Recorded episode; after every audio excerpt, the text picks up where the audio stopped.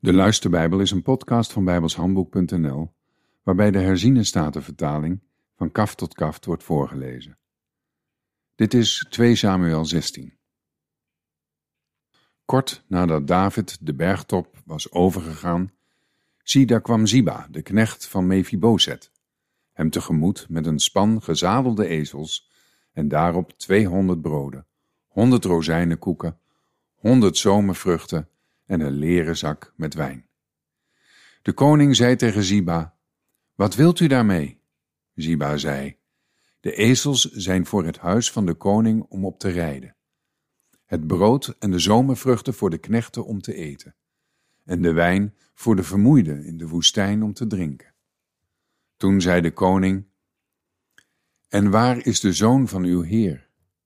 Ziba zei tegen de koning, Zie, hij blijft in Jeruzalem want hij zei, Vandaag zal het huis van Israël het koninkrijk van mijn vader aan mij teruggeven. Toen zei de koning tegen Ziba, Zie, alles wat Mephibozet heeft, zal van u zijn. En Ziba zei, Ik buig mij neer. Laat mij genade vinden in uw ogen, mijn heer de koning. Toen koning David bij Bahurim kwam, zie, daar kwam een man de stad uit, uit het geslacht van het huis van Saul van wie de naam Simei was, de zoon van Gera. Al vloekend kwam hij dichterbij. Hij gooide stenen naar David en naar alle dienaren van koning David, hoewel al het volk en al de helden aan diens rechter en aan diens linkerhand waren. Dit zei Simei terwijl hij hem vervloekte. Ga weg, ga weg, man van bloedvergieten, verdorven man. De Heere heeft op u al het bloed van het huis van Saul, in wiens plaats u geregeerd hebt, doen terugkomen. Nu heeft de Heere het koninkrijk gegeven in de hand van Absalom uw zoon. En zie u daar nu, in uw ellende, omdat u een man van bloedvergieten bent. Toen zei Abisai, de zoon van Zeruja, tegen de koning, Waarom zou deze dode hond mijn heer de koning vervloeken? Laat men toch oversteken en hem de kop afslaan.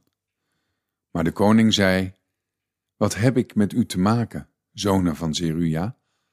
Ja, laat hem vervloeken, want de Heere heeft tegen hem gezegd, vervloek David. En wie zou dan zeggen, waarom hebt u dat gedaan? Verder zei David tegen Abisai en tegen al zijn dienaren, zie mijn zoon, die uit mijn lichaam is voortgekomen, staat mij naar het leven. Hoeveel te meer dan nu deze Benjamin niet. Laat hem begaan en mij vervloeken, want de Heere heeft het hem gezegd. Misschien zal de Heere mijn ellende aanzien en zal de Heere mij het goede weer teruggeven, in plaats van zijn vervloeking van deze dag. Zo ging David met zijn mannen zijns weegs, terwijl Semei al vervloekend meeliep langs de flank van de berg aan de overkant van hem en vanaf de overkant van hem met stenen gooide en stof opwierp.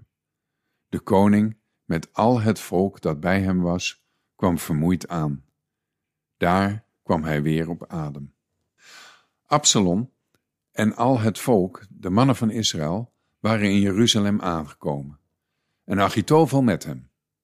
En het gebeurde toen Husai, de Argiet, de vriend van David, bij Absalom kwam, dat Husai tegen Absalom zei: Leven de koning, leven de koning. Maar Absalom zei tegen Husai, is dit nu uw goede tierenheid tegenover uw vriend? Waarom bent u niet met uw vriend meegegaan? Husai zei tegen Absalom, nee, maar van hem die de Heere verkiest, als ook dit volk en alle mannen van Israël. Van hem ben ik, en bij hem zal ik blijven. En bovendien, wie zou ik dienen? Zou het niet zijn zoon zijn? Zoals ik uw vader gediend heb, zo zal ik u dienen. Toen zei Absalom tegen Achitophel, Geeft u met elkaar raad, wat zullen wij doen? En Achitophel zei tegen Absalom, Ga naar de bijvrouwen van uw vader, die hij achtergelaten heeft om zorg te dragen voor het huis. Dan zal heel Israël horen dat u bij uw vader in een kwade reuk gekomen bent en zullen allen die bij u zijn moed grijpen. Toen spanden zij voor Absalom een tent op het dak, En Absalom ging naar de bijvrouwen van zijn vader, voor de ogen van heel Israël. In die tijd was de raad die Achitofel gaf, alsof men naar het woord van God vroeg.